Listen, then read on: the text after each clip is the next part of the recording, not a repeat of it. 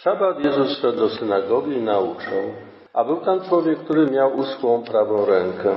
Uczeni zaś w piśmie i faryzeusze śledzili go, czy w szabat uzdrawia, żeby znaleźć powód do oskarżenia go. On wszakże znał ich myśli i rzekł do człowieka, który miał uschłą rękę.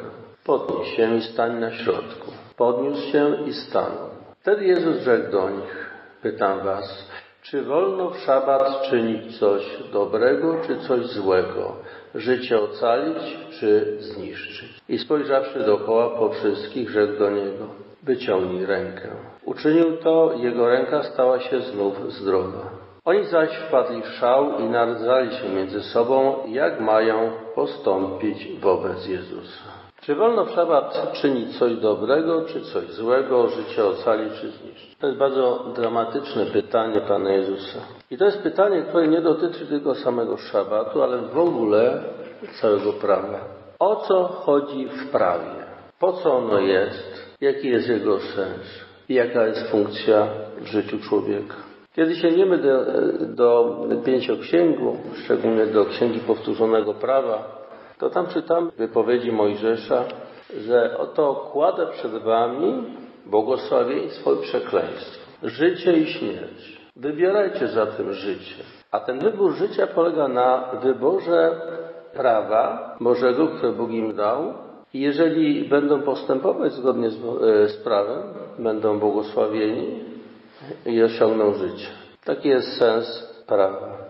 Prawo było dane po to, żeby człowiek żył tak, aby to niosło sobą życie, aby to dawało mu życie. W tym kontekście trzeba to pytanie usłyszeć. Czy wolno żyć w szabat, czynić coś dobrego, czy coś złego, życie ocalić, czy zniszczyć? Oczywiście prawo jest po to, żeby ocalić życie, żeby do tego życia prowadzić. I teraz trzymanie się prawa, przepisu, takie kurczowe czytanie się, ono wynika z, z takiej potrzeby człowieka, potrzeby posiadania pewności, że ja oto robię dobrze, bo wypełniam to, co jest zapisane w prawie, ja, ponieważ to wypełniam, czynię dobrze, jestem ok, jestem w porządku, ewentualnie należy mu się pochwała. I to jest potem ta postawa faryzeusza świątyni, który Bogu dziękował za to, że właśnie był taki zgodny z prawem, wszystko wypełniał.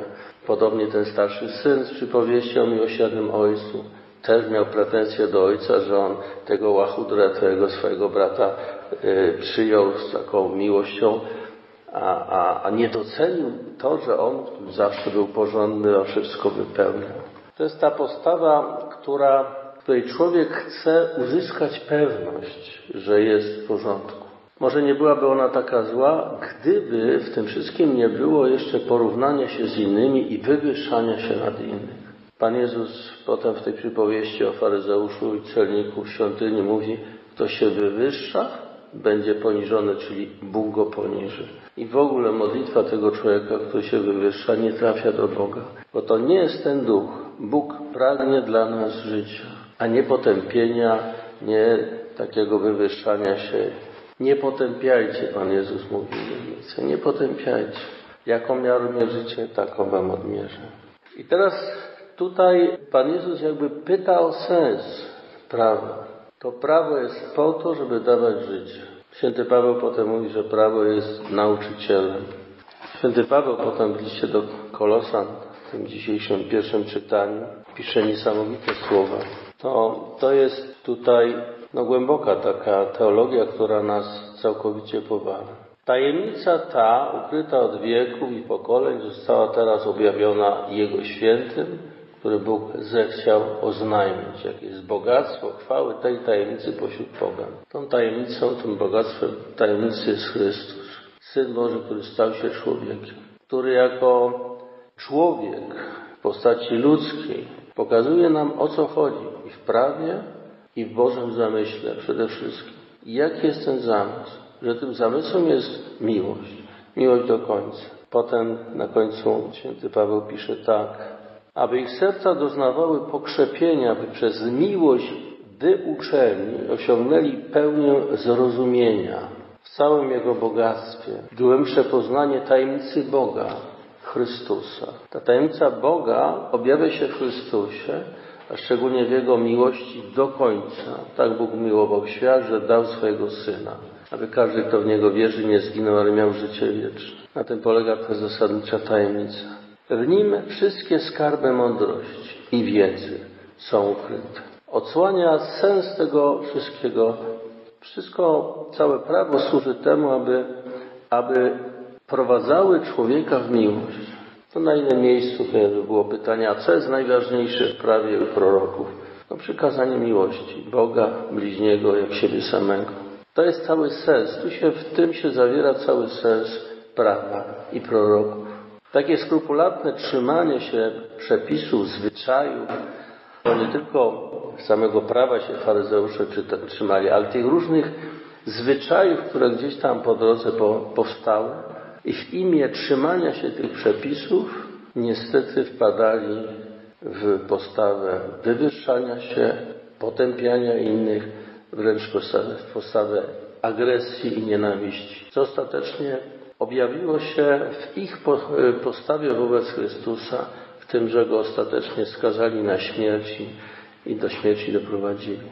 Ta złość, która była gdzieś w sercu, ona się musiała w ten sposób wylać. Pan Jezus w pewnym momencie mówi, że wasi ojcowie mordowali proroków, a dzisiaj budujecie im pomniki. Otóż wy dopełnicie miary waszych przodków. I dopełnili, zabijając nie tylko proroka, ale po prostu Syna Bożego.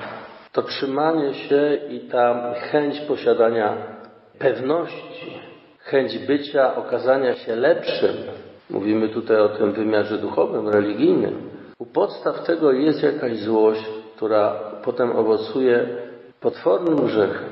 Tych faryzeuszu doprowadził do grzechu zabicia Syna Bożego. To jest niesamowita prawda. Natomiast zasadniczą prawdą i celem Bożego zamysłu jest obdarzenie nas życiem. Bóg nie chce śmierci grzesznika, to jeszcze Ezechiel e, pisał, ale żeby się nawrócił i żył. Jego prawdziwym pragnieniem jest podniesienie człowieka wyciągnięcie go z dna po to, żeby doszedł do, do życia. A to życie znajduje się właśnie w miłości Boga, w przyjęciu tej miłości i staniu się autentycznie dzieckiem Boga.